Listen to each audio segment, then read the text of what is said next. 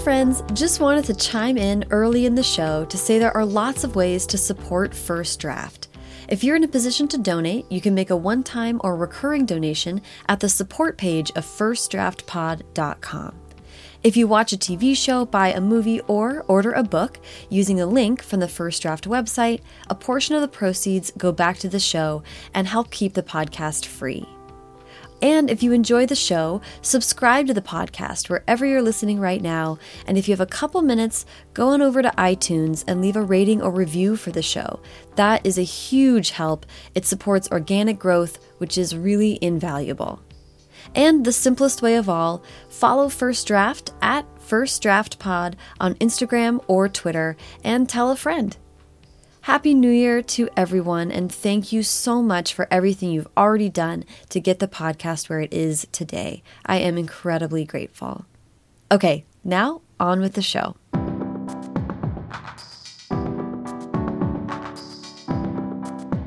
Welcome to First Draft with me, Sarah Enni. This week I'm talking to Courtenay Hameister, debut author of memoir Okay Fine Whatever The Year I Went from Being Afraid of Everything to Only Being Afraid of Most Things. Courtenay is also former host, co producer, and head writer of Live Wire Radio. I love what she had to say about how writers are wired to find meaning where other people may not, questioning the inherent value of enthusiasm, the ins and outs of putting together a nonfiction proposal, and the shame busting power of honesty. So please sit back, relax, and enjoy the conversation. Hi, Courtenay. How are you? I'm doing well. Thanks so much for having me. Oh my gosh, I'm so excited to chat um, and to get into this. I have traditionally done a lot of young adult authors, so I'm mm -hmm. getting into more different age categories, and I love reading memoirs, so I love talking to people about that. Great. Yeah, and this is decidedly not a young adult.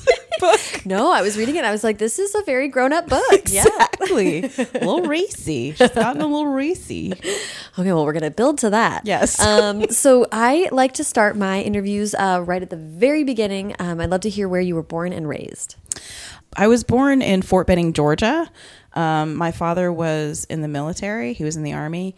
And uh, so I was an army brat. I lived in very many glamorous places like San Antonio, Texas, and Shaker Heights, Ohio. And um, I actually did live uh, in Monterey, California, which was absolutely gorgeous. Mm -hmm. Um, but yeah, I kind of grew up all over the place. I'm really grateful for it because I think that it really helped my mind to be flexible and for me to recognize honestly, it's like it's like the reason that it's good for people to travel is that, you know, it helps you recognize that your way isn't the only way and um, I think it does make you more likely to be empathetic and mm-hmm. You know all the reasons that people talk about. Yeah, I totally agree. I I not I didn't move that much, um, but the longest I've lived anywhere is six years, and it's very like as a kid it was like okay, moving from Texas to California. Yeah, like let's adjust. well, and it's funny. I had the funniest experience. So I had moved to, from Denver, Colorado, or Aurora, Colorado, mm. to San Antonio, mm-hmm. and I was, uh, I think I was twelve. And when I was living in Colorado, nobody wanted a bra. Like uh, it was all the all the girls were super sporty, and we skied, and it was so gross. And my mom had to drag me to get a bra, and I was so mad.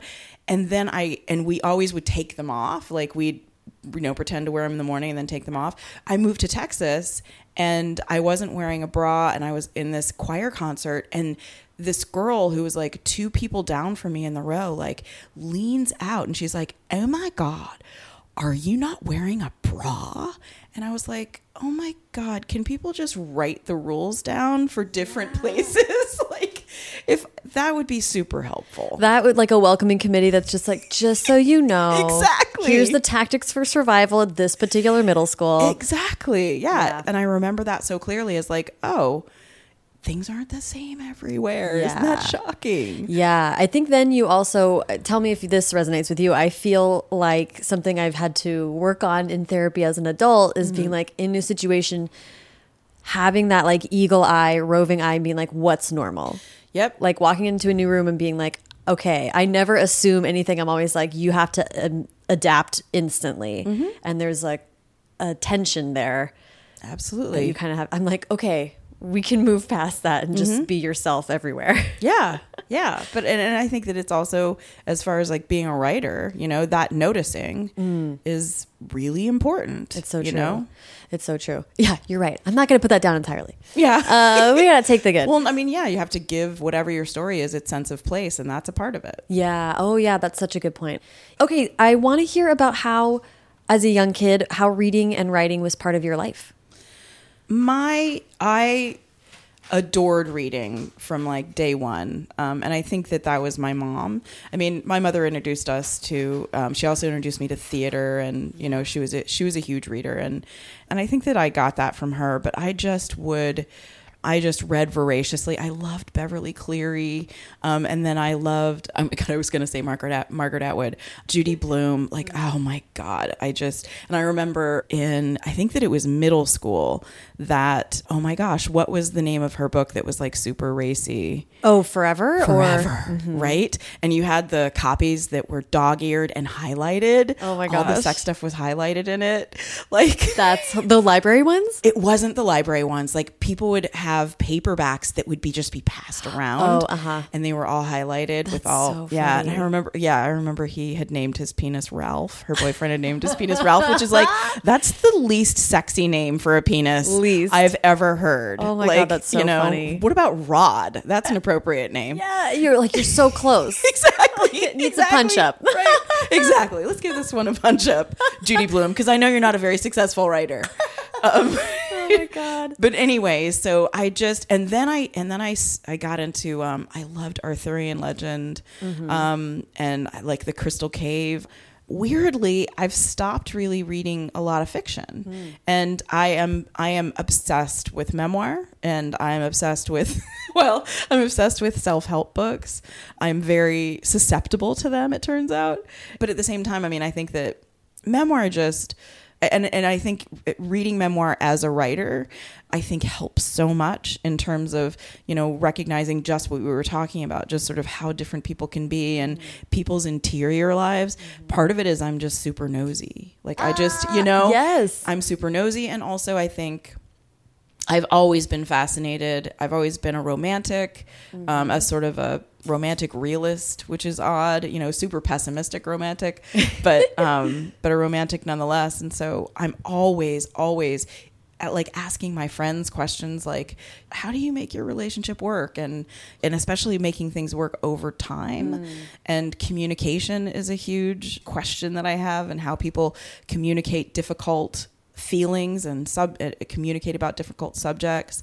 And so I'm just always interested in reading memoir and and figuring out how people deal with the relationships in their life, you know. Yeah. So it sounds like you were an avid reader, but Mm-hmm. when did you start creatively writing? like any other kid, I I started some creative writing classes when I, you know, or cr- at least creative writing portions of my English class. And I did actually like to write at the time. I liked to journal a little mm-hmm, bit, you mm-hmm. know, and just write about my own life. And I never really considered myself a great kind of fiction writer mm. when I was younger. Um, I, li- I also liked really writing, uh, I liked writing essays. I mm. liked talking about how I felt about things and what I thought things meant. Mm-hmm. And I remember it was really college where I started realizing, oh, I actually feel like this is something that I can do. Like I recognized that I think writers recognize connections between things that maybe other people don't. Mm-hmm. Um, and I think that as a as an anxious person, I'll have an experience in say a grocery store. Mm-hmm. I'll I'll be buying detergent mm-hmm. right for my clothes, and laundry detergent, detergent and I will buy uh, one a fl- with a floral scent, right? And I just remember this experience one time of me, you know, pulling it off the shelf and just putting it into my cart and being like, "Oh, of course I can buy floral detergent because there's no one in my life and there will never be anyone in my life because so all my clothes can smell like flowers because if I had a man in my life, he wouldn't want his clothes to smell like flowers, and I'm just going to be able to buy floral detergent for the rest of my life." now, the fact that like I talk about it in my book how um, how I believe that what anxiety has done to me is that it's created neural pathways in my brain that tell me everything is going to suck, and that's something that I tried to fight with the book. But what that does is, I believe, it turns you into a pessimist and it makes you able to kind of turn any experience or information into negative information. And what I'm getting at, this is very long, is that I gave meaning to things that other people wouldn't, mm-hmm. like buying fucking laundry detergent. Right. Had all of this greater meaning. Right. And I think that that is something, I think it's something that essayists are particularly good at, mm-hmm. Tur- like giving meaning to really anything. And I think Yeah. that that's what my brain naturally did that. Mm-hmm. And I think that that's what really helped me as a writer. And it's it's interesting to think about how you've your brain will naturally do that and you've sort of found a way to acknowledge it and try to shift it to a way that's healthier for you Exactly. to experience. Exactly. Yeah. Um, and and I and, that's what's interesting is that you know it doesn't always have to be that negative side. Right. And I think that's one thing. You know, I, I work with a group in Portland, this extraordinary group called Create More Fear Less that works with anxious kids. And one of the things that it tries to do for these kids is to help them see their anxiety in a different way and see the gifts of anxiety. And one of the gifts of anxiety is that you have an extraordinary imagination. Yeah. Right? You can imagine the worst case scenario Yeah. in every way.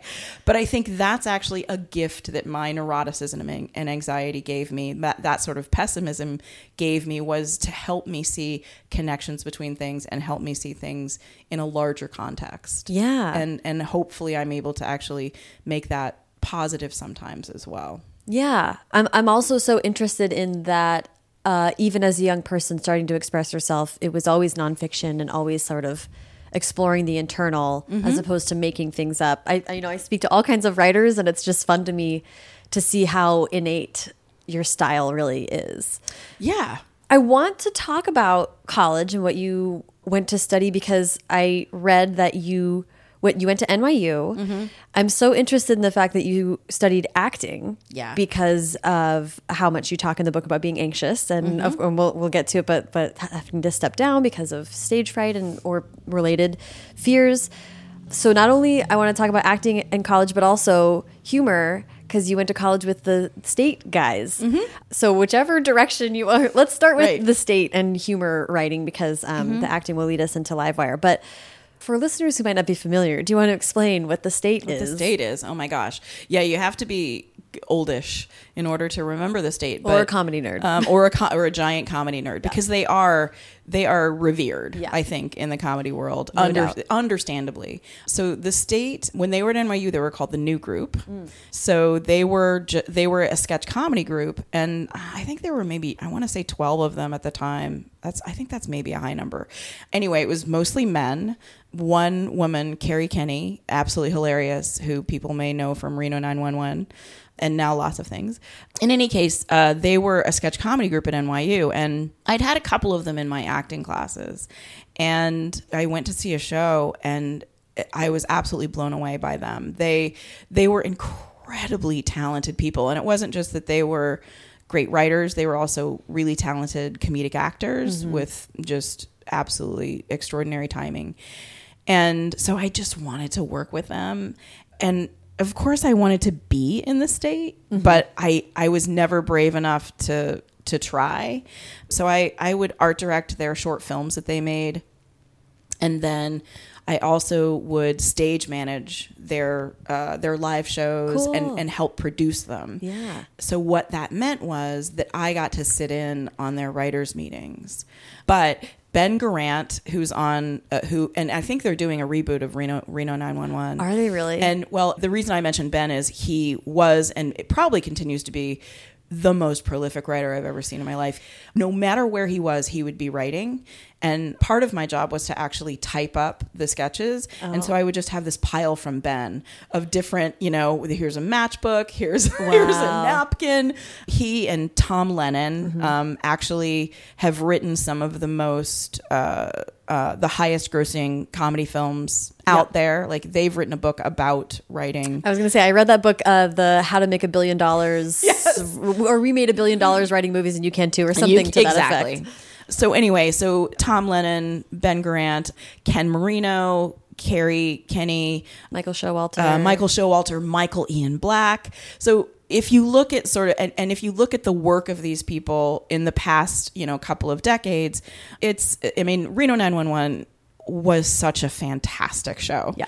in so many ways it was so brilliant and and wet hot american summer Yes. david wain directed that film and he has since directed many blockbuster comedies so i was surrounded with uh, just some of the most talented people like a in generational comedy. talent. Yeah. Exactly. And I just would go to those meetings and I would just take it all in. Yeah. You know, I would just watch them, you know, talk about their ideas. The funny thing about the state was that there was very little kind of editing that went on in those meetings. Those guys brought pretty buttoned up sketches to the table. Wow, okay. Um and and maybe they had meetings that I didn't know about where they where they made edits, but just being able to see the timing and see their ideas Yeah. was just i think uh, a great lesson for me and i you know i ended up being the head writer of livewire um, which was a radio variety show and it was basically just like well i was around these really funny people for like two years so does that count and our producers are like sure yeah. like totally. yeah I love that that was like not an NYU class, but in some ways like worth the price of it of college admission to do that extracurricular class. absolutely absolutely like it was i mean and i, and I had some wonderful teachers at nyu mm-hmm. and but what i learned as i was like i took film theory classes and what i learned was that i was a writer in college. You know even though i wasn't taking a lot of r- creative writing classes or english classes all i kind of wanted to do was write and sort of oh god who was it that said this. I can't think of the writer who said it, but she but she essentially said, "I don't know what I think about something until I write about it." Uh, that's uh, Joan Didion. yes, yeah. thank you. Yeah. and that is what I that's what I learned in college, and Yeah. it was it was such a thrilling experience to as you're writing, you know, have the stuff that was somewhere inside your brain, but you didn't know it until you actually put it on paper. It's this wonderful discovery. It's yeah, creating. Yeah. it's really magic. Exactly. Um, it was just so striking to me that you studied acting in college. I'd love to hear you talk about that because you mentioned like at that point you didn't have stage fright or or, or experience anxiety the way that you do now. Yeah.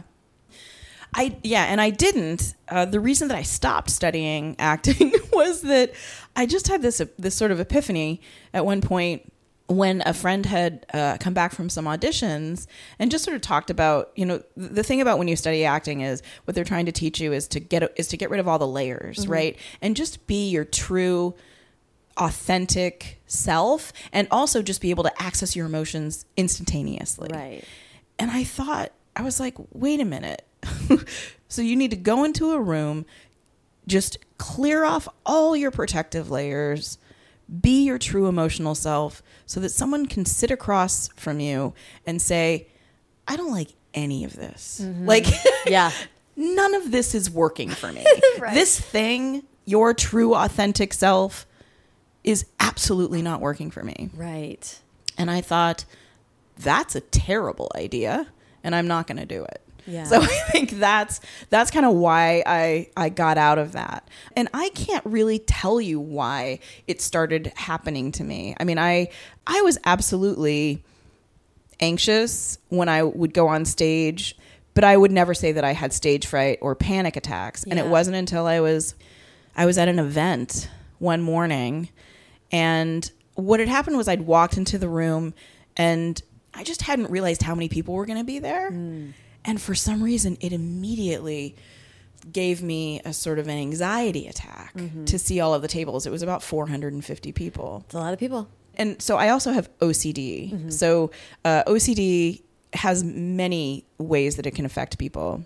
And oftentimes, what happens is that you have an obsession, mm-hmm. like hand washing is the one that most people know of. You're obsessed with the fact that there are germs everywhere, and it makes you have to wash your hands sometimes hundreds of times a day. Yeah.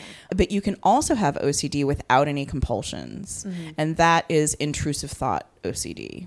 And so that's what I have. And so what it was it was just the strangest thing.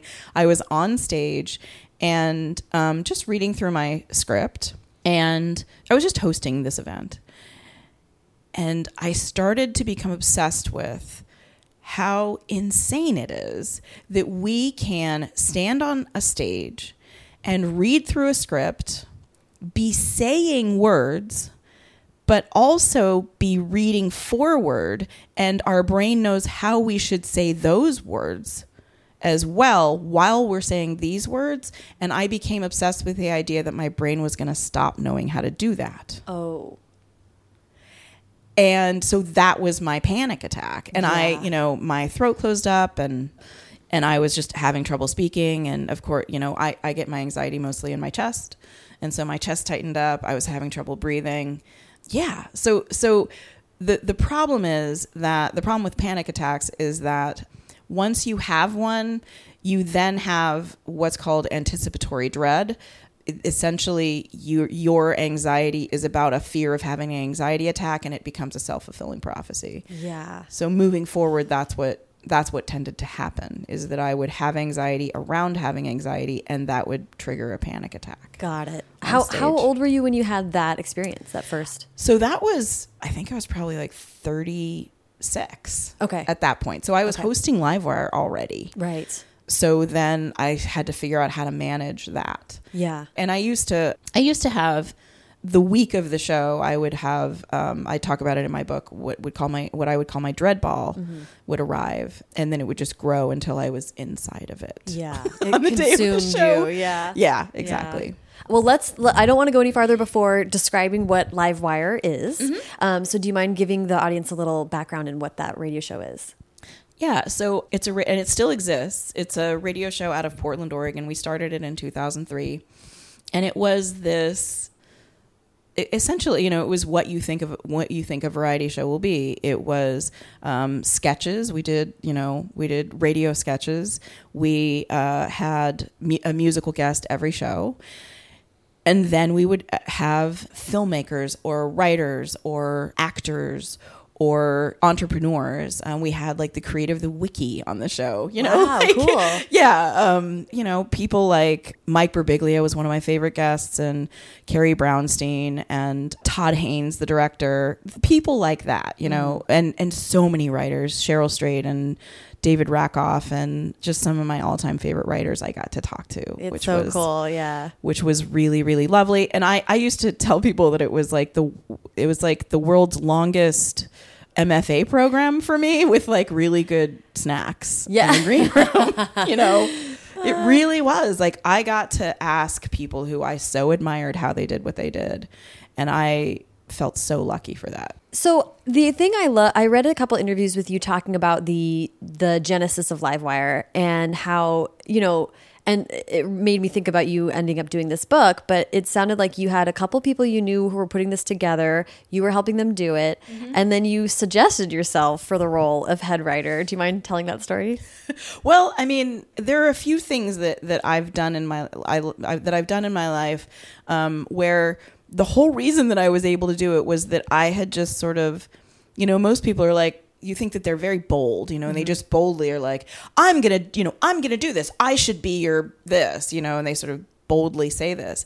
But you know, I was in a band in the same, you know, for the same reason that I just sort of quietly said, you know, maybe I could try to do this.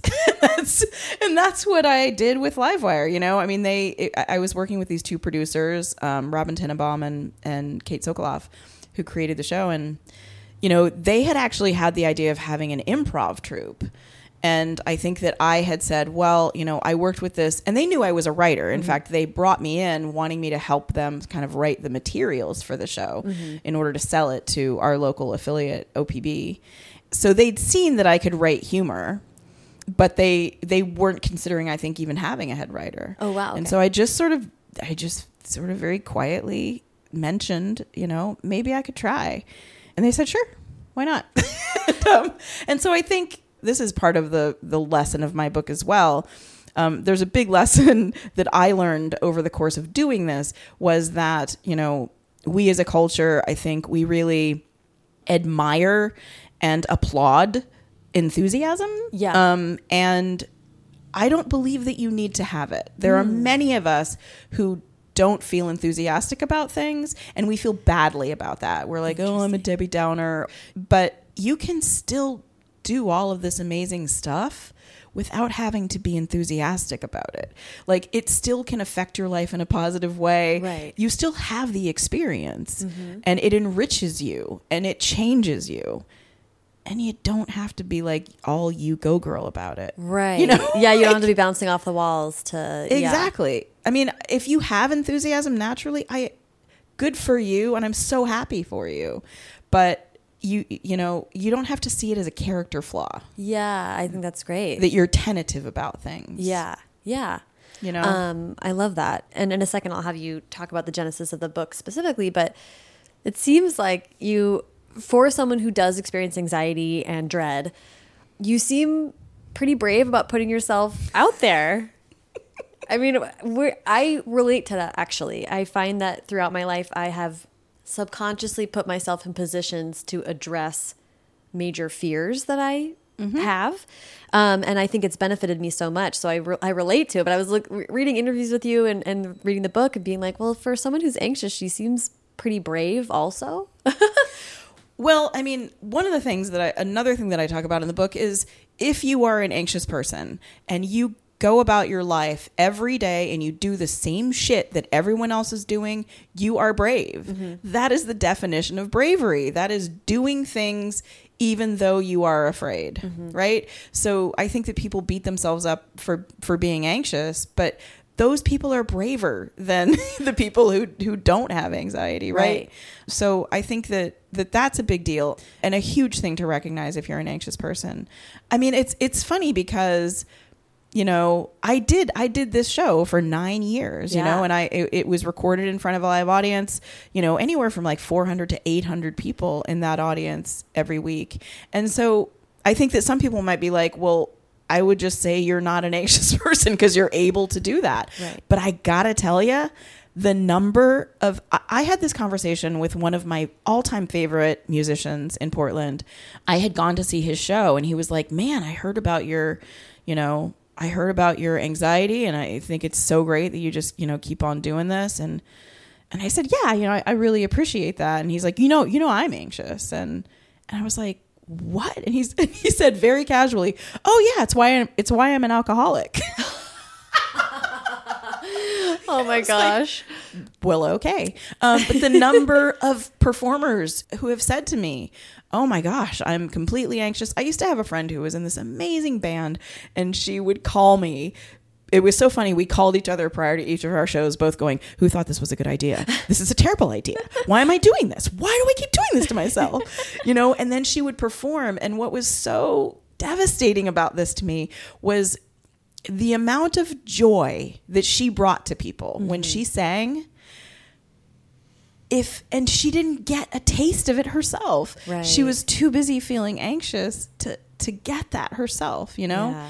so yeah I, I don't believe I don't believe that I'm brave for doing the things that I did in this book. I think that that for myself, I was I was brave. Like there's not some like you know uh, scale of bravery for activities, but certainly I just dipped my toe slightly outside my comfort zone and and what and that's another huge lesson that I learned during the course of that year is that every single time you very very slightly stick your toe outside your comfort zone, you're expanding it mm-hmm. out a little bit more. Mm-hmm. And so you don't have to jump out of a plane. Right. You know, you just have to continually just just a little bit, just inch it out. Yeah. And and that's how change happens. It's not like you know, movies and books have lied to us, I think. Uh, mostly fiction has lied to us because we see a character have an epiphany and their life changes. Right. And what happens is you usually don't have an epiphany. An epiphany will last for maybe two years. It will all add up to an epiphany. Right. and then your life will change incrementally from there. Yeah, more of a montage. oh yeah, and it's a really long montage, you know. And it's and I understand it's really frustrating how how long it takes to change, but it's also it's change. Like Yeah. even the smallest change in your life is change. And and if you have two more interesting hours in 2020 than you had in 2019, good for fucking you. Yeah. And that is, you know, that's an improvement. Yeah, I somewhat related, or this is what my mind goes to is I, I forget where I heard this first, but someone was saying we overestimate what we can do in a day and underestimate what we can do in a week. Oh, that's interesting. And it feels like this human brain thing of being like, if change doesn't happen right away, then it doesn't count. It's like, well, we're really bad at making five year plans or 10 year plans or thinking about things like that. Mm-hmm. But if you force yourself to be like, well, I can't do everything today, but let's map out a week, let's map out a month, let's look back over the year and see how much is actually accumulated. Like, mm-hmm. you can do yourself a favor by by doing active reflection like that, I think. Oh yeah. And I mean, I think that we just we want things to happen immediately. I mean, some of my favorite kind of ways to shift behavior are those, you know, plans that are about like you know, and of course, I have so much stuff around food. I've been struggling with food my whole life. And it's like, you know, for this month, you're just going to eat more vegetables Right. for this month. That's the only thing you're doing. And then the following month, you're still doing the vegetable thing, but you add one other thing for the next month. Right. So people are like, "No, it takes too long." It's like this is how this is how things change. Yeah. Yeah. You know? And how habits form and how, yeah. Yeah. You don't Yeah. freak out or, yeah. Yeah. Okay, so let's dive into okay, fine, whatever. Mm-hmm. And do you mind? I would love to hear like the pitch for it, and I think within the pitch, you'll kind of explain how you go from Live Wire to writing about this experience you had. Yeah. So, okay, fine, whatever is the story of the year that I tried to teach my anxious brain that everything was going to be okay. And so, what had happened was that um, these these panic attacks got worse, and then on the evening before the ninth anniversary of our first show, I had like uh, a massive panic attack that ended up lasting for a couple of days. And I couldn't do the show. So I actually, we were going to have Luke Burbank on the show, who now is the host of the show. And so I called our producer and I said, What if Luke just hosted? You know, and we did two shows in a night. So we had to do two shows. And then I ended up t- two, I spent two weeks trying to figure out what I was going to do and I just decided to step down mm-hmm. as host. And but I did continue as producer and head writer of the show. And I just once that happened, I had this hole sort of in my life where massive anxiety used to be. and I also realized that I had lost this wonderful, extraordinary thing. Um, like I said, this this amazing MFA program where I got to talk to all these people and help figure out how they did what they did. And I didn't want to lose something like that again. And so I thought, you know, what if there was a way to teach my brain that everything was going to be okay by doing things that scared me a little and then and then processing those experiences by writing about them. And so like I said like I didn't jump out of planes. I did things like I I went to a sensory deprivation tank because I'm claustrophobic and afraid of the dark and I I went to a professional cuddler because I don't like talking to strangers so like I spooned with one uh, to see how that went and then I there was also this huge dating portion of it because I really never dated in my life. I was a very late bro- bloomer dating wise. So then I did things like dated polyamorous people, and I went to, of course, uh, build your own burrito night at a sex club. Um, so that's kind of you know, and and over the course of that year, and it was really a year and a half, frankly, but it's just that just doesn't fit on a book cover. but uh, yeah, and so through the course of that year, you know, spoiler alert, my life didn't completely change. Mm-hmm. But I did have, you know, there there was a positive effect of that experience, and my life absolutely changed for that year. I had the most interesting year of my life. Yeah. And the most enriching year and the most educational year of my life. Yeah. You know, even without being this, you know, enthusiastic person, I was able to to do that. So Yeah, it, it's it, and it's such a fun read, um, which I want to get to in a second. Is how you write not only memoir but humorous memoir, which is so fun, and that was the tone of the column that you were writing, right? Yeah. Because you were writing these, having these experiences, writing about them for a column, and I, like I mentioned, we're uh, we're talking to a lot of writers here, so I'm interested in how you uh, went from writing about this as a column, having these experiences, and for your own sake, Yeah. How did you then transition to thinking about it as a book? Well, interestingly, I didn't. because I hosted this show, I was lucky enough to have friends who were, you know, really successful writers. And my friend Daniel Wilson, who I was in a writers group with, Daniel wrote a book called Robopocalypse mm. uh, that got optioned by this guy, Steven Spielberg. I don't know if you've heard of him. I'm familiar, passingly yeah, familiar. Exactly we yeah, we were like, really, Daniel?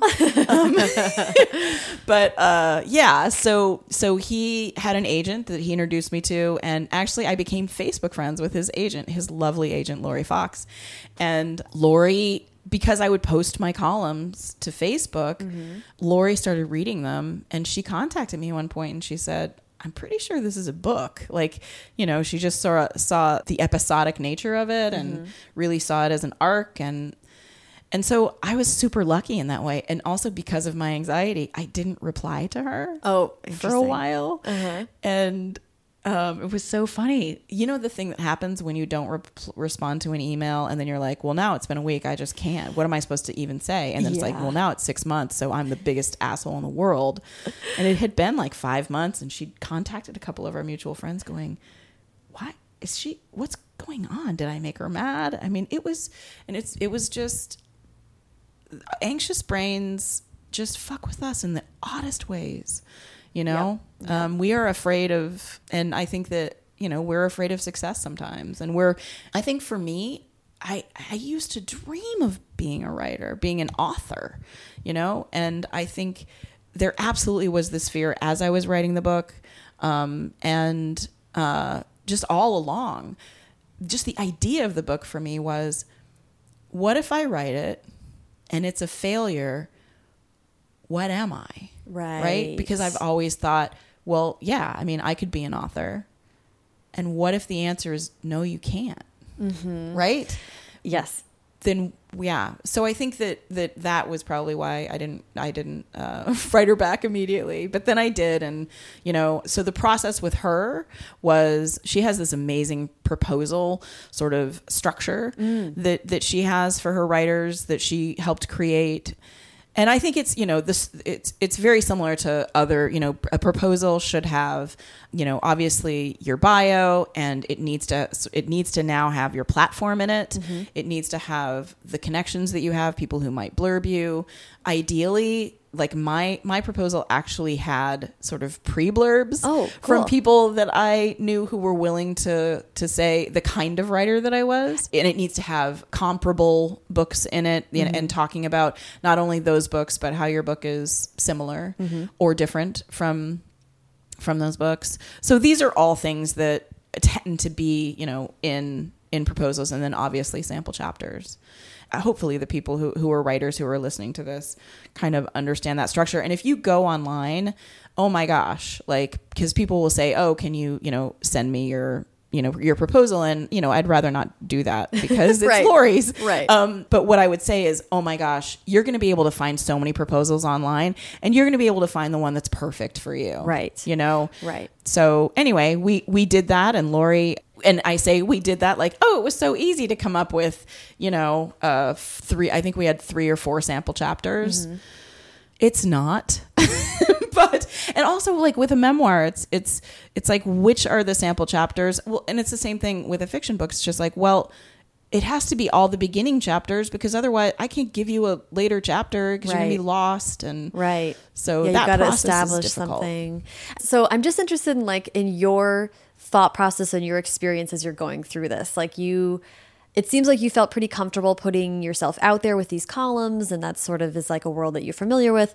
Now you're stepping into packaging it as this other thing. Mm -hmm. What was mm-hmm. that experience like for you?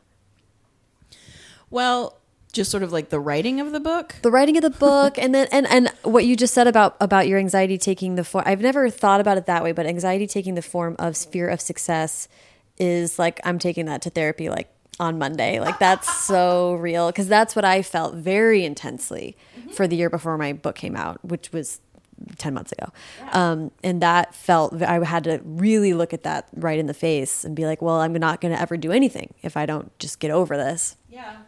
And, and cognitive behavioral therapy was just having the book come out basically. yeah. Yeah. Well, yeah. And that's the thing. I mean, it's so funny. Like I did, I did a, an event in San Francisco for the book when, when the book came out last year and I had this absolutely equal fear of what if no one comes and what if everyone comes? Both of those things are terrifying, Yeah. you know, like Yeah. in their own special way. So for me, I just thought, oh, it's mostly already written because Mm-hmm. it's basically a bunch of my columns that I'm turning into a book. I n- absolutely needed to expand them. They were about a thousand to twelve hundred word columns, Mm-hmm. and you know, we were thinking my chapters would be thirty five hundred or four thousand words, somewhere around there. And I had a lot to expand on, Mm-hmm. Yeah. right? And I added a bunch of chapters, and I thought that that would be easy. But what was interesting was, so I wrote my first draft, and Jean Garnett was my editor at, at Little Brown, and she is just. It was so funny because I thought, how is she gonna? She's you know because I'm 50 now, and at the time I was like 40. I don't know, 47, something like that. And and she's, you know, I think she's 33. And I was like, how is she going to relate? You know, I mean, she was so smart and so and she so appreciated and got the book, which was really interesting to me. Like Yeah. because I do feel like a lot of it was some of the issues that we have as women in in our 40s. Mm-hmm. So Jean is an amazing editor, and she hel- and she helped me so much in helping t- me to envision what the book should look like and how to structure these stories mm-hmm. and how to turn it into how to turn a bunch of essays into a story with an arc. Yeah. And it's because it's interesting with the memoir format because it's all it is an invisible arc. Yes. You know, it's less obvious than fiction. You almost are it's like a documentary where you're right. you're like, "Oh, at the end of it you're like, I see what they did there." Mm-hmm. But it's not like you can as easily identify like act 1, act 2, act 3. Well, because it's just like, well, what's I don't know which act I'm in right now. This is my like, life. God, I, I hope it's act two, not three. But but no, that's what's so interesting is that I think that some people are like, well, you don't need to create an arc because there is an arc. It's your fucking life, right? Like your life has its own arc, but it's absolutely not that way, right? Be- because you have you have to figure out, you know, where the where's the denouement? I don't know. You Yeah, know, right, like, right. am I in it right now? Uh, and what was what was really interesting about what happened to me is, at least to me, it was interesting. Uh, so so normally you turn in your first draft, and in an ideal situation, you get like initially you get you know some comments from your editor that are like, and they do line edits oftentimes on the first draft, and just some like some some kind of basic maybe format maybe um, structural stuff but if there's kind of a deeper problem you get you get an editorial letter. Yeah. right? So and i got an editorial letter. And the biggest issue was that i had been an essay writer. I had written i'd written 250 essays for mm-hmm. live wire. And I'd been an essay writer for a decade. And what Jean had said was, you keep tying everything up in a little bow at the end of each chapter, and there's no reason for me to keep reading. Right. Like oh, you've got to like turn each essay into a piece of a story that is moving forward and that you're not solving everything, you know, Mm-hmm. At the end of each chapter. Right. And it wasn't it wasn't like of course I didn't solve every problem that I had at the end of an essay, but when you are an essayist and when you are an essayist, what you're trying to do is really figure out, okay, what did I get from this at the time or or what can I get from this in reflecting on this? Mm-hmm. And so it is completely tied up.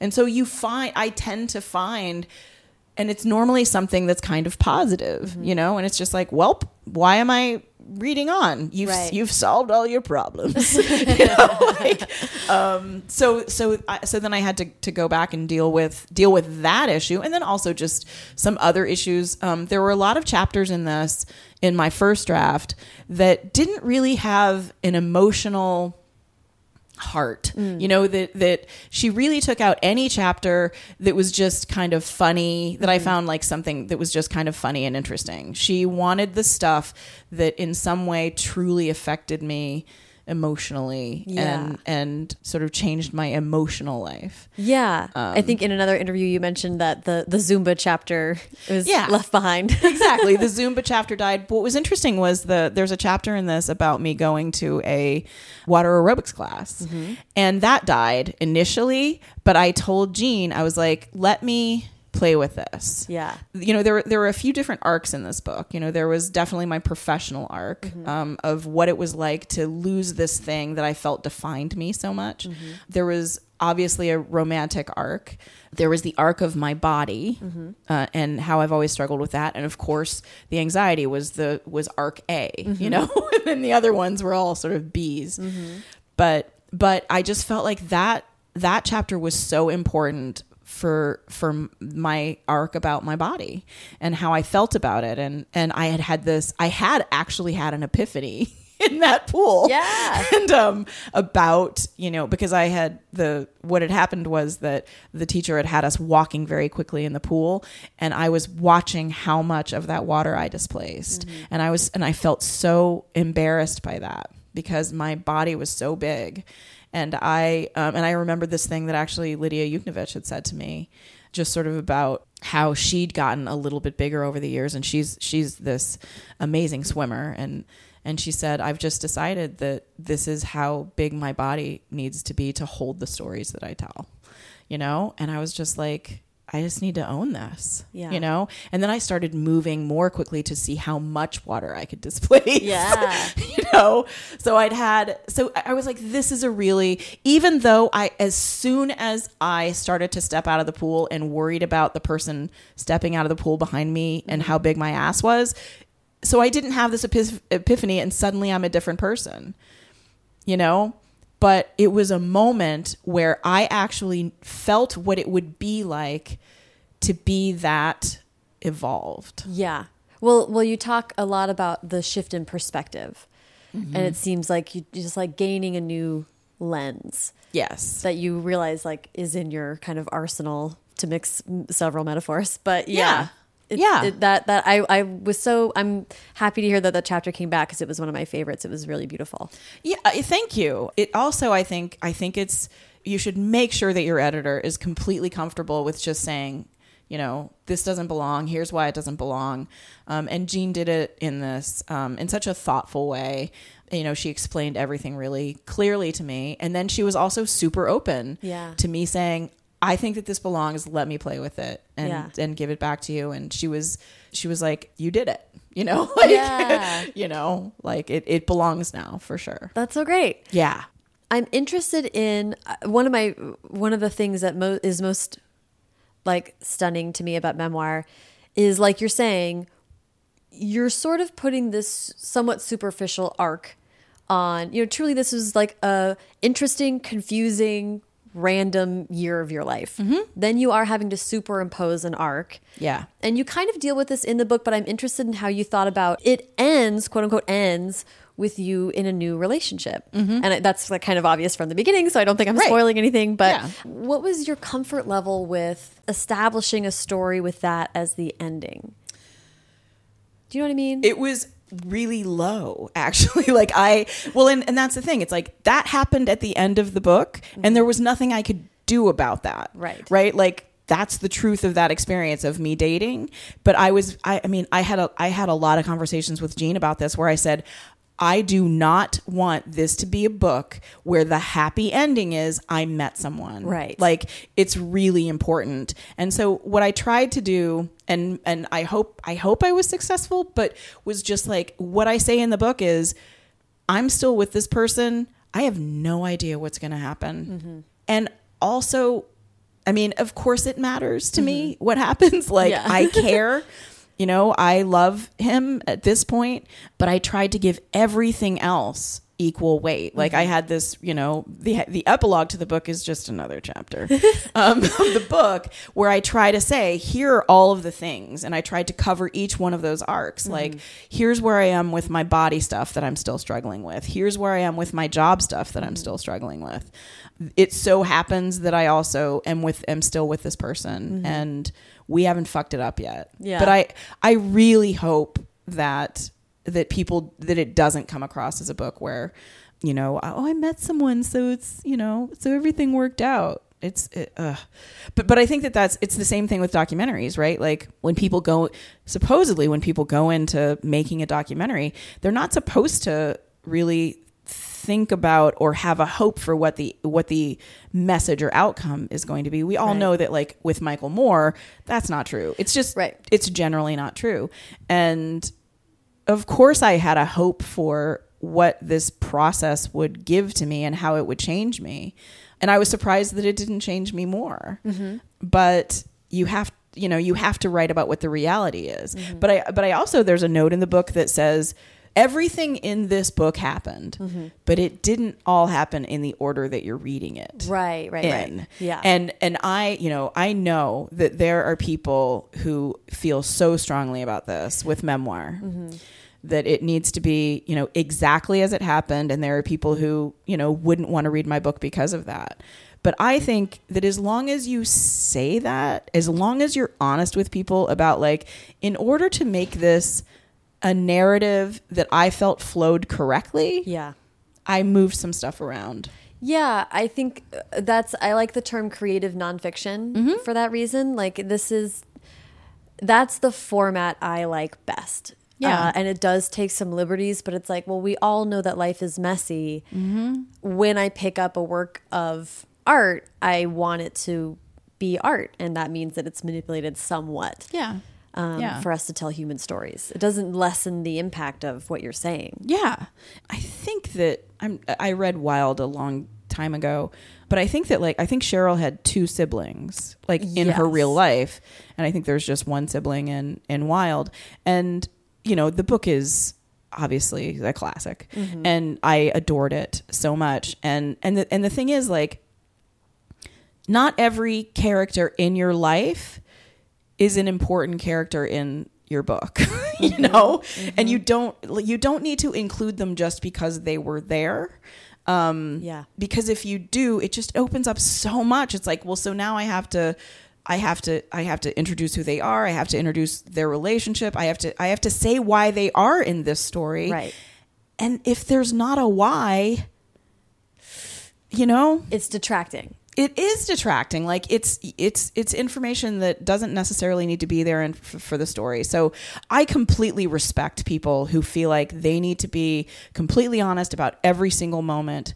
I absolutely respect that. But i also just have to say like i for me i'd rather read a good story where someone was honest about there's some stuff in here you know that uh, or there's there's some stuff that could have been in here Right. but isn't because I wanted to make the story more pleasant for you to read. It's it's well, and, and like what you're saying about your editor and her and her prioritization. It's sort of like you, the focus, especially for a book like this, is about emotional truth rather than say journalistic truth. Like I read Bad Blood this year, right? And it was like, well, you should probably have all your facts straight about Theranos, like Right? that you know you're a wall street journal reporter like Yeah. i expect you to be like very, kind of rigid about that stuff Mm-hmm. but not when you're turning to a memoir or something that's a little bit more like wild is, is such a great example like it's about her journey Right. and that can be laid out however she wants to tell Yeah. it And our brains, I also, you know, there's, uh, have you ever read, read uh, Moonwalking with Einstein? No. Oh my gosh. It's such a great book. Joshua Foer wrote it and, and it's about memory, you know, and it's about how, I mean, he talks about how every single time you visit a memory, you change it. Your brain changes it. We cannot truly trust our memories anyway. Mm-hmm. Like there is, and I mean, there's all of those levels of things, right? There's your truth of an experience and my truth of of an experience that we had, and they are always different. Yeah. Right? And so there is no objective truth. And you can try you can try everything you can to get to that objective truth. Mm-hmm. And I respect you for it. But if we know that our brain is changing the truth anyway, like we it's okay to me to go Right. with that creative nonfiction version of the story. Yeah. And there are, you know, there are conversations in, in this book. Of course I didn't remember that conversation exactly. Right. But I remember the nugget of it, right? And I and I tried to recreate it from there. yeah You yeah know, even even experiences. There's a story in this, not to brag, but I didn't lose my virginity till I was 34. um, accidental, like it wasn't on purpose. And um, and there's this moment where, um, with the first man that I was ever with, that he I was at his house and I'd spent the night and nothing had happened, but I had and I had still spent the night. We were just chatting and somehow I guess and he was uh, brushing his teeth. And we were still chatting while he was brushing his teeth in the bathroom and I was in his bedroom. And somehow during the course of whatever conversation we were having, he figured it out that I was a virgin. I had said something and he stood in the and he just showed up in the doorway holding his toothbrush in his hand. He had toothpaste all over his mouth. And i had written are you a virgin? And he like points at me. And i'd written that. And the funny thing is like i actually sent him the chapter. Mm-hmm. And he wrote back and he said i didn't ask that question. I said it. I was very proud oh. that i had figured that shit out. And i said you're a virgin right those are very different. Mm-hmm. And and and also a hugely significant moment in my life. Right. and i believe that i remembered it wrong. Wow. like i got it wrong. Interesting. right. And So so, and i changed it in Yeah. the book because i changed it to his version because he had felt so strongly about that. Right. like you know and i was like you know what? Also it came out of your mouth. So i wrote his version of it you know fascinating. yeah but i just i you know and i don't i don't want this to be a rationalization and i i don't think that it is like i i am totally saying if this is the way you want to do it do it that way Right. and i am i am also like i i think lying in a memoir overtly lying in a memoir is terrible That's beyond. There's a Rubicon there, right? Yeah. Exactly, exactly. But I, I I just, yeah, I, I just think that it's okay Yeah. to write your version of a story, and as long as you let the audience know that some things might have shifted, or that you might have a character might be an amalgam of two different people, Right. as long as they know and they're cool with it, then it's totally fine with me. I- in my uh, and I remember this happening with James Frey and Oprah, right? That whole kerfuffle. But and ever since then, I felt very strongly. I'm like, well, we call it a memoir. It's not like a journalistic retelling of my life. You know, it's there's a word for it for a reason. It kind of implies all this. Well, Um, and, and memoir has to do with you looking back, you know, and it has to do with your current perspective. Yeah. Um, there, did you ever read Night of the Gun by David Carr? no, Oh, well, that's so fascinating in terms of this idea that we're talking about, right? Yeah. Um, because he was, I want to say, a crack addict. uh, yes, I believe so. Yeah. And essentially, he was trying to tell his own story. He's a journalist or was a journalist. He passed away a few years ago. And The Night of the Gun is his journalistic retelling of his own life by going back and interviewing all of the people who were there. And there were many experiences, including the gun experience, where he had in his head, it was this experience where this guy had a gun and it was really scary. And it turns out he had the gun, it was him. Like, I know it Whoa. was such an amazing book. And I think it's such such an important part of this conversation that we're having. I want to ask about uh, writing with humor. I love humor. I'm a comedy nerd. I'm obsessed with it. I wrote, I read this book, and right before it, I read John Hodgman's new book, and he's so Oh, yeah. such a gifted humor writer. Mm-hmm. Do you think about writing with humor, or do you think that's your natural state of writing, or how do you kind of think about that? I do think that it's my natural state of writing. Um, so I just, speaking of Lidia Yuknavitch, I just took a workshop with her and Jen Pastiloff. Jen Pastiloff just wrote a, book, a great book called On Being Human. Lidia Oh. has a book coming out. I think it's called Verge. Did I get that wrong? Or Verve? Verge. I think it's called Verge. Anyway, that's coming out in February. She's a stunning writer. Her memoir, The Chronology of Water, was I just uh, just broke my heart and then fixed it immediately after. but um and then and Jen, you know, Jen's book on being human is ju- I'd say to people it's just sort of like this it's like a warm blanket and 20 years of therapy like in a book.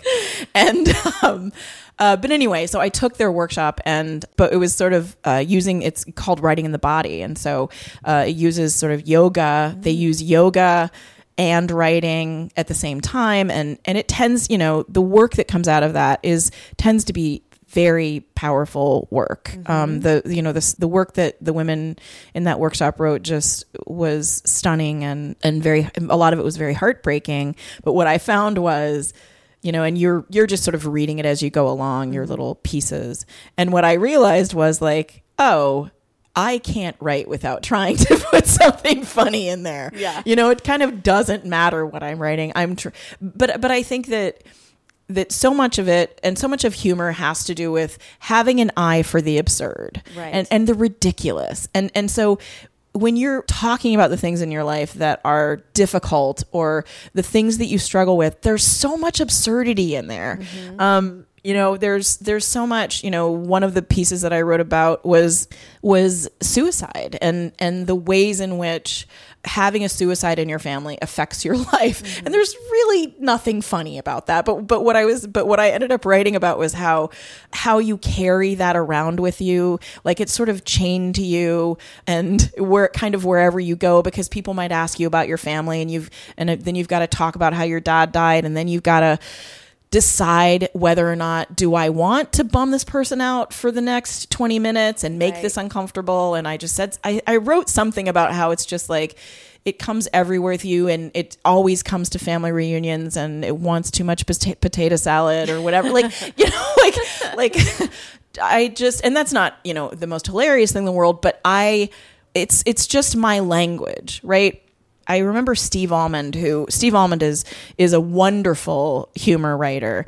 I mean, and that's that's the thing, and, and he's also a very serious writer. Mm-hmm. But I remember him talking about in a workshop, he was talking about where he puts humor in his writing, mm. and he said, "Where I end up putting humor is where I cannot take it anymore." Mm. As I'm I'm reading through my own writing and I cannot take it anymore. Yep. It's too much, and so I inject humor right there in that spot. Obviously, pacing is really important in humor. Yeah. There's a rhythm to humor. And I think that for me, I never am like, you know, okay, I need a joke. I, I need a joke in every paragraph or whatever, but I can absolutely feel if, if I'm writing a piece that is a humor piece, I can absolutely feel where it's lagging in humor. Like as I'm reading through it, um, it's a very, very different way of thinking Yeah. than writing non humor. Yeah. You know, and so you're trying to figure out the kind of rhythm of the humor of, of in the piece.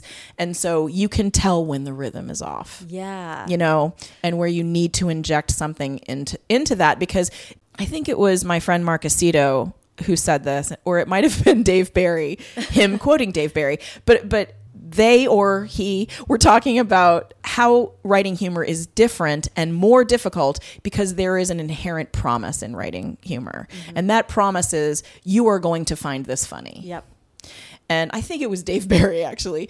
And so you're you're reading through everything with that lens, and and so you're trying to add essentially a layer of of something, Yeah. right? Because if I'm just telling you a story, well, okay, that's one layer. Mm-hmm. But now I'm trying to tell a story that's going to make you laugh, or you're going to chuckle, or make it, or you're going to find funny. Now I've got to add another layer to that Yep. story. So Yeah, it's like how uh, comedies should really win Best Picture every time.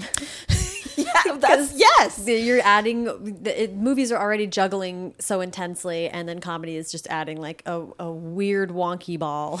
Yes. Yeah. Well, mix. and and uh, I just saw Paul Provenza last night actually at Set List at the Improv, and he said this great thing. He's like, he's like, comedy is the only genre in the world where the audience can gets to decide whether or not it is what it is right where you know you walk out of a, a you know a comedy film and you're like that wasn't a comedy that was terrible it's not like you know you walk out of a drama and say that wasn't a drama you just say that wasn't good Right. you know so That's so interesting. yeah, totally. Yeah. So it's definitely harder to do. Yeah, well, and and and your thoughts on voice and pacing are so interesting to me because it did strike me in reading this book that you have so many years of writing for being read, uh, Yes. writing for being performed and being spoken out loud, and I felt that rhythm. I think in reading it, like I was thinking to myself, like the audiobook is of this is probably also like phenomenal because it's really rewards you reading at that pace. Well, and and that tone, mm-hmm. right? Like unquestionably, I have a conversational tone, and I think that I'm I'm in the land of I'm, I would never say that I'm as good as, but like Samantha Irby or Jenny Lawson, these people who were bloggers, mm-hmm. and you write blogs conversationally. Yes. and so I am not a literary writer, you know, I, and I know that about myself, and I have many people who know me who say who said like. It, this was crazy. It was like sitting in a room with you, you know, so for for seven hours. Yeah. Like just because I could hear you say everything. Yeah. I could hear you say all of this.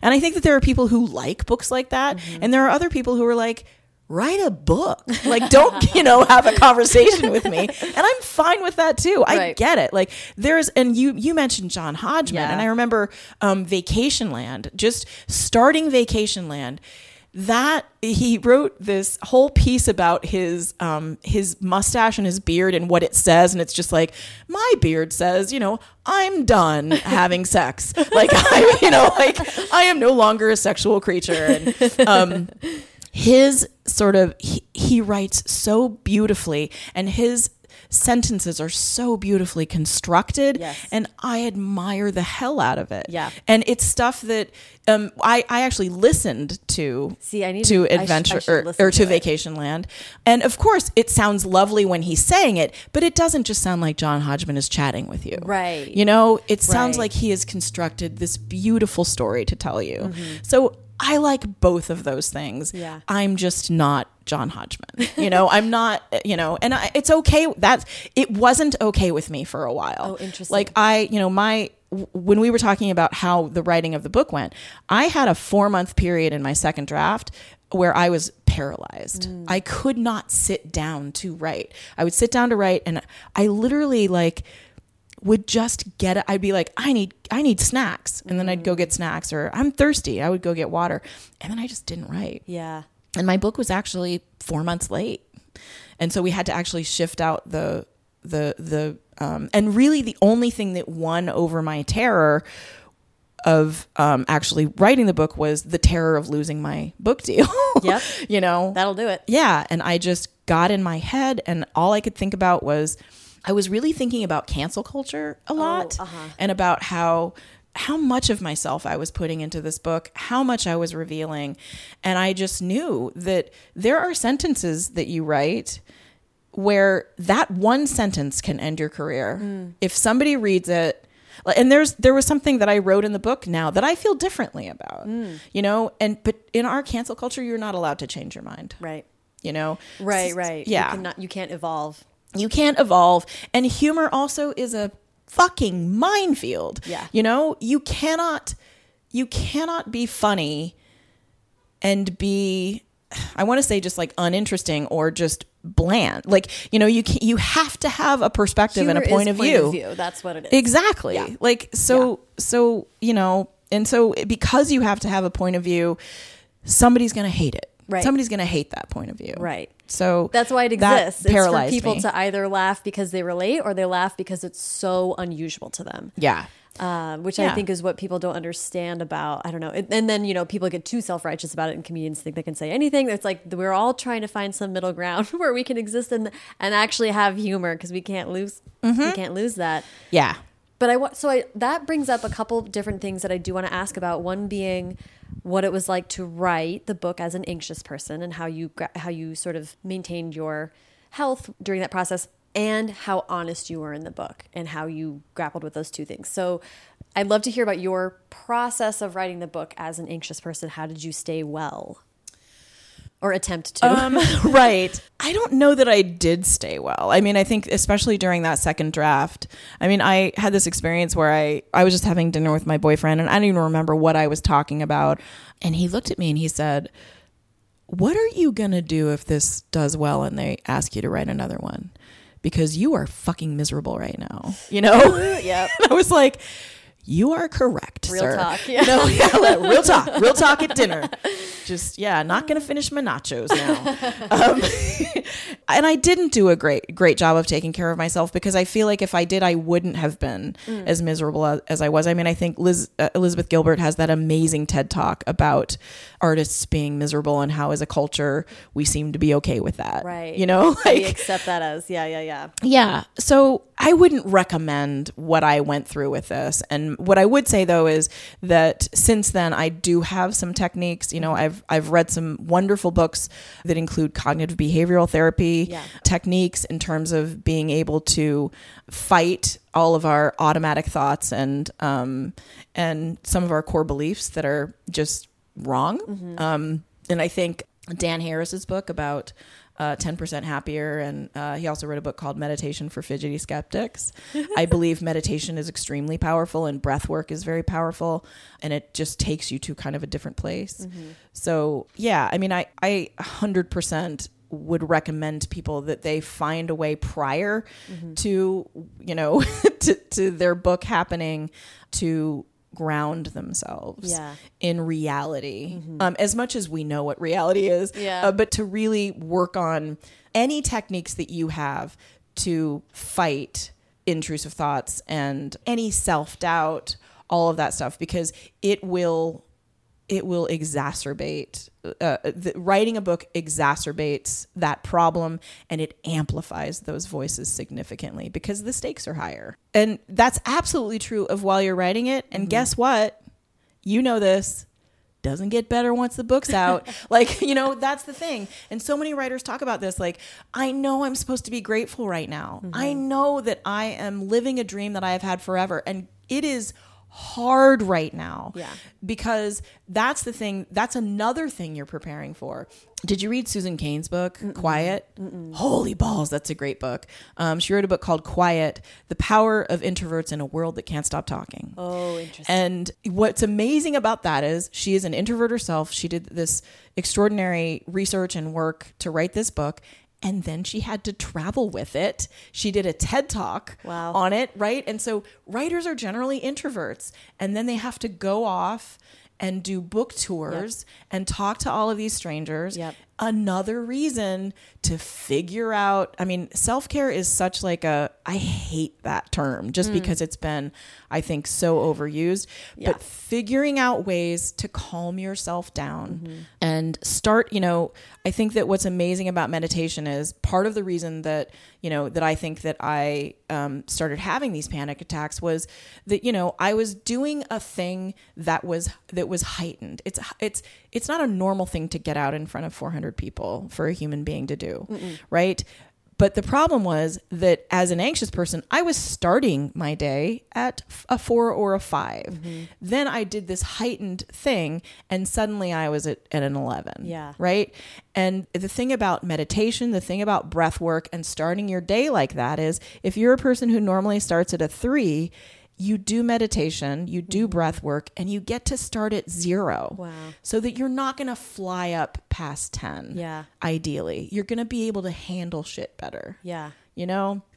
So anything that you can do like that, any kind of practice that you can begin, begin it now before yeah. you get successful. Plan to get successful. Yeah, you know? that's a great way to say it. I Have it be that. part of your plan to yeah. get successful. Yeah, I think that's so smart. Yeah. Um, uh, and speaking of heightened and things like that, I do want to talk about how honest you were in this book. Oh yeah. Um, you know, it's funny, like we just met today, but I feel like I really know a lot about you exactly. because I read this book, which is a very interesting situation to be in. I know. I know. How does the honesty that is in Okay Fine Whatever relate to the honesty you had in the columns?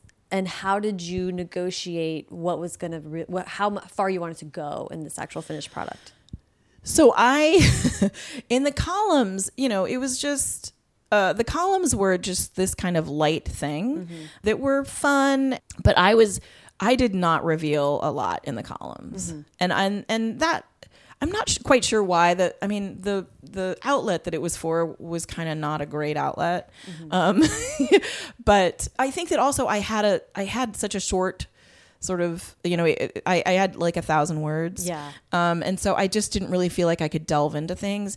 And I absolutely felt like it was very important for me to be as honest as possible about my experience in the book because that is, I think, how you help people to see themselves in your life and to feel better. Like my whole, I really feel like my experience with Live Wire, any of my experience reading for groups of people, so much of it has been about how much I have felt like a freak in my life and mm-hmm. trying to make other people feel less like a freak. Mm-hmm. You know, I mean, my mantra is if we're all freaks, none of us are freaks. Right. You know? Right. Not a single one of us. Yeah. So so that to me it was very important for me to to reveal as much as as much as possible um, so that people didn't feel ashamed if they if they felt the same thing. If they were a virgin until they were 34 if they struggled with anxiety all of that stuff. Uh, so i i really um, there were things like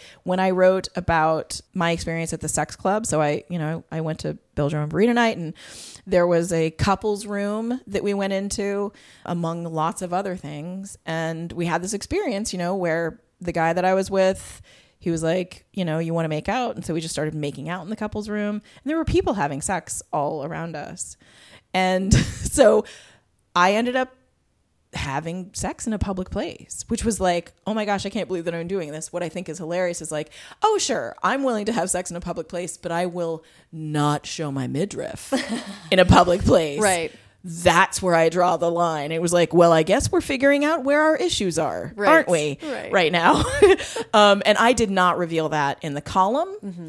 But I felt like in order to truly tell the truth of that experience, I gotta say what I did. I that I did something that was shocking to me that I did it. I couldn't believe that I'd done it. And kind of how easy it, you know, how it was like well, I mean what I I think that part of it was that I looked around and I was like, nobody gives a crap. Yeah. Nobody cares. No one's paying any attention to us. Yep.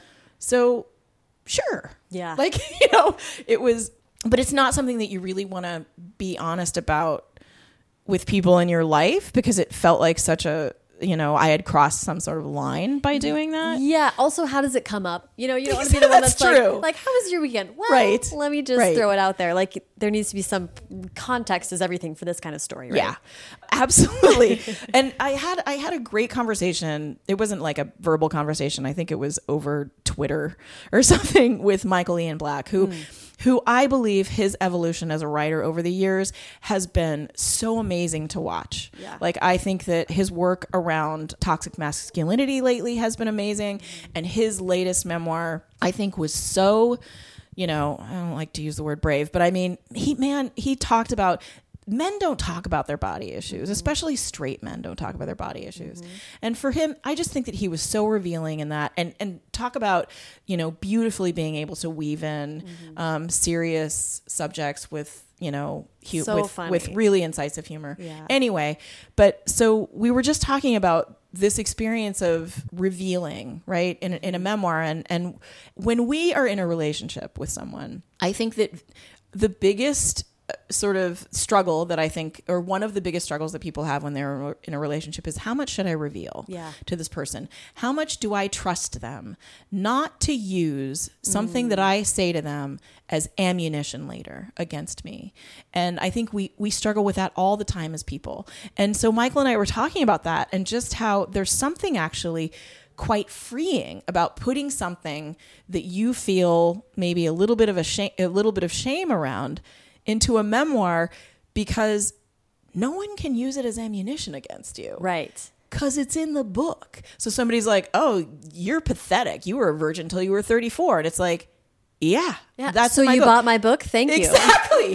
what else do you have? Everyone knows that. Yeah, yeah. I told everyone that. Yeah. because guess what? I'm not as ashamed of it as you think I am. Right. Or I put it in there so that I would stop being ashamed. So there, there's this kind of uh, such an interesting dynamic around that. Mm-hmm. You know, around around how giving everyone all the information is just like, well, it's out there, and now you can try to attack me with it, but it's really not going to land. You take the the It's just like taking the air out of the tires. But Yeah.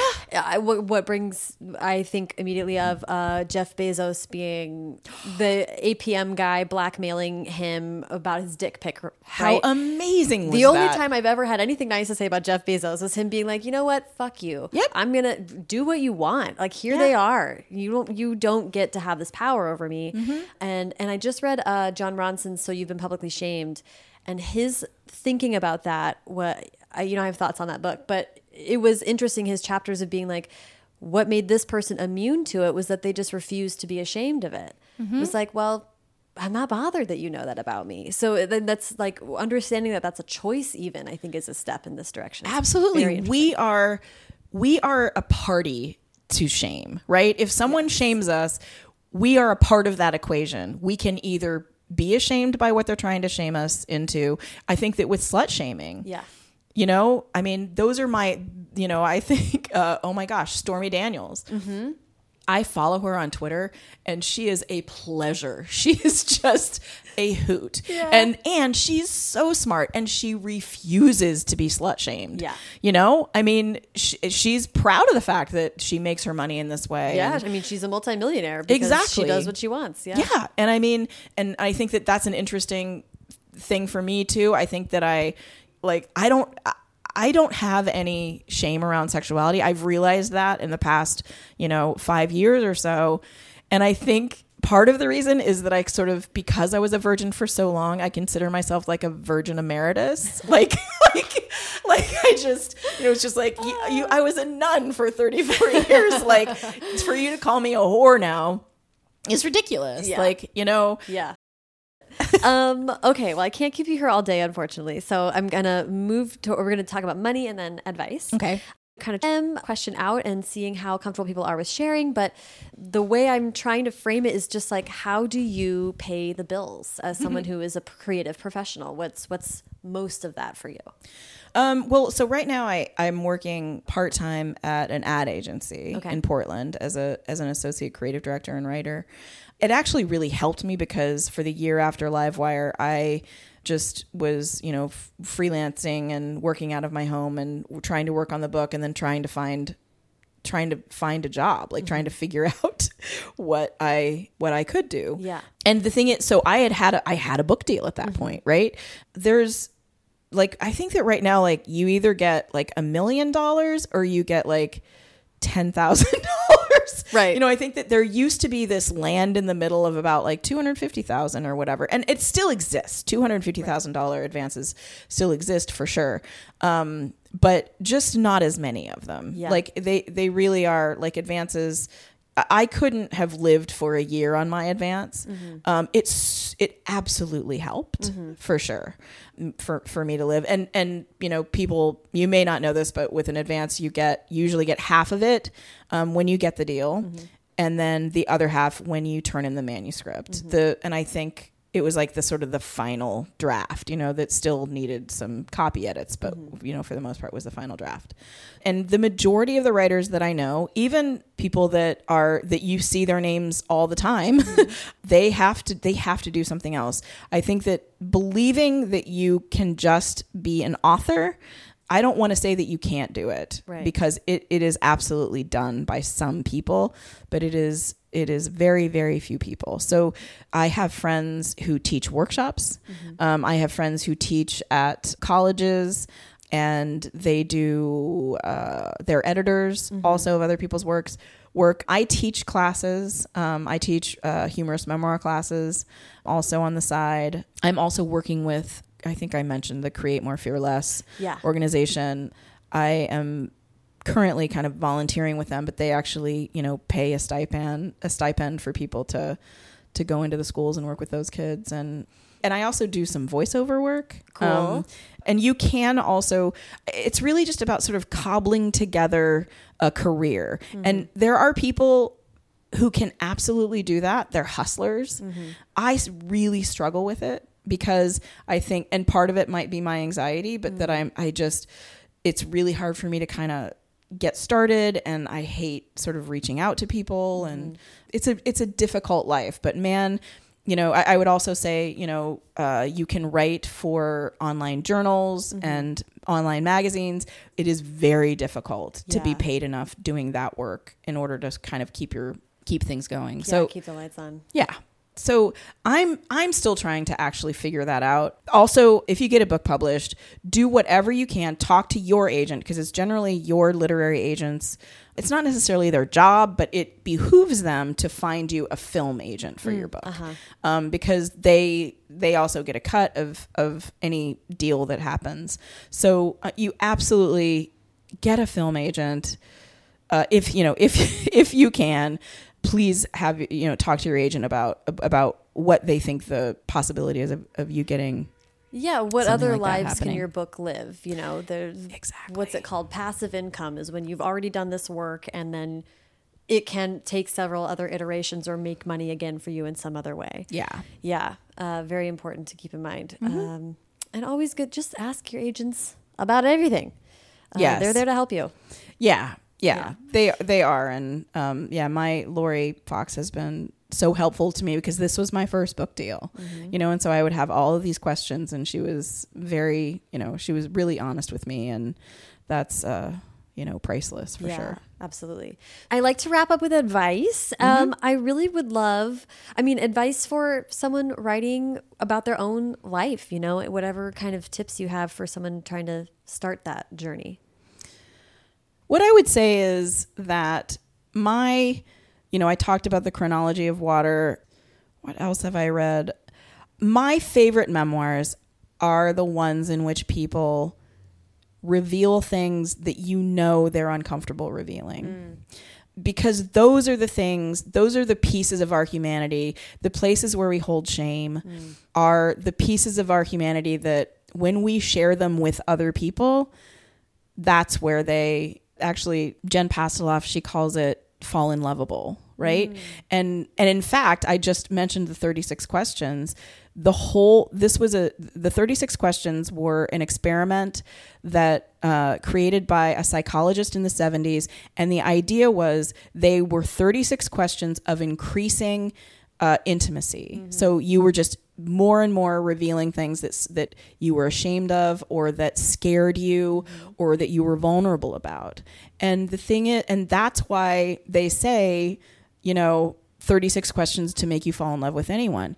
If you know someone's story, truly know their story, you're going to fall in love with them. Yeah. Like because you're going to see their humanity Yeah. and you're going to see yourself in them. Yeah. And you feel honored when someone tells you something about themselves that's hard. Yeah. So that was my, you know, that was Jean's feedback after my first draft was, you know, you have got to go deeper. That's my note for you kind of across the board and then she gave specific examples. It was just mm-hmm. like I really I know that you don't want to talk about what it felt like to have this anxiety attack. Right. I know that you don't want to talk about what it felt like to lose your father because it's really uncomfortable. You've got to go deep and reveal things that you're uncomfortable revealing yeah. because that's that's where you are. Yeah. That's where people are going to truly see you. Mm-hmm. Isn't that funny? It's such a, it's the scariest thing, but it is like the most rewarding thing. Yeah. it's really one of those paradoxes of uh, being a person. But yeah, totally. Uh, uh, that's the, what generates empathy more than sharing a secret. Yeah. yeah. And it's a, you know, I mean, I think that it's a, it's this lovely sort of reciprocal gift, right? If you reveal something that you used to be or you are humiliated by or you feel shame around and someone looks at you and either laughs or says, you know, oh my god, I that just happened to me last week. You know, it is a gift to them that they they're like, "Oh, thank God someone else did that." And it's a gift to you that they said that, you know, that like, "Oh my," and that sense of, "Oh, I'm not a freak." Or I'm not a bad person, or maybe I'm a bad person, but not for this reason. Right, know? right. Yes. Yeah. Yes. That's Yeah. so funny. Yeah. Um, oh, I love that. Well, you and you had such great advice the whole time. So this was such a fun conversation. Thank you so much, Courtenay. Oh, thanks for having me. It was a total pleasure. Thank you so much to Courtenay. Follow her on Twitter at Wisenheimer, W I S E N H E I M E R, and Instagram at Wisenheimer underscore PDX. And follow me on both at Sarah Enni and the show at First Draft Pod. For links to everything that we talked about in this episode, please check out the show notes, which are at firstdraftpod.com.